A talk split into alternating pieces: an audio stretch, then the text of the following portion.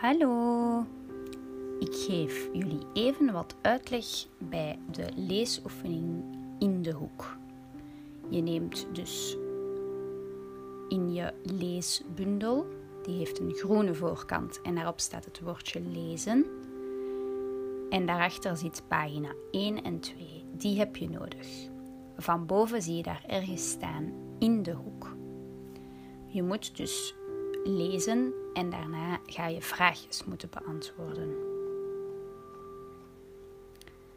Het eerste, dus je leest eerst de tekst. Het is een gesprek tussen de juf en Fleur. Daarna moet je de vraag beantwoorden.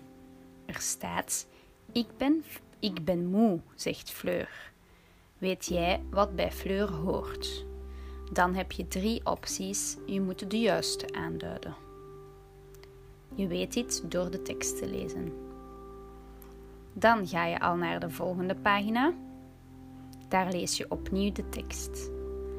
Dan krijg je opnieuw twee vragen. Bij de eerste vraag moet je zeggen in welke hoek Fleur niet wilt.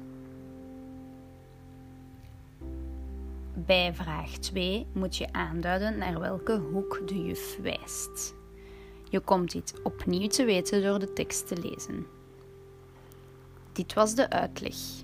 Hopelijk begrijpen jullie het, anders sturen, sturen jullie me maar een berichtje en dan leg ik het nog eens uit. Veel succes!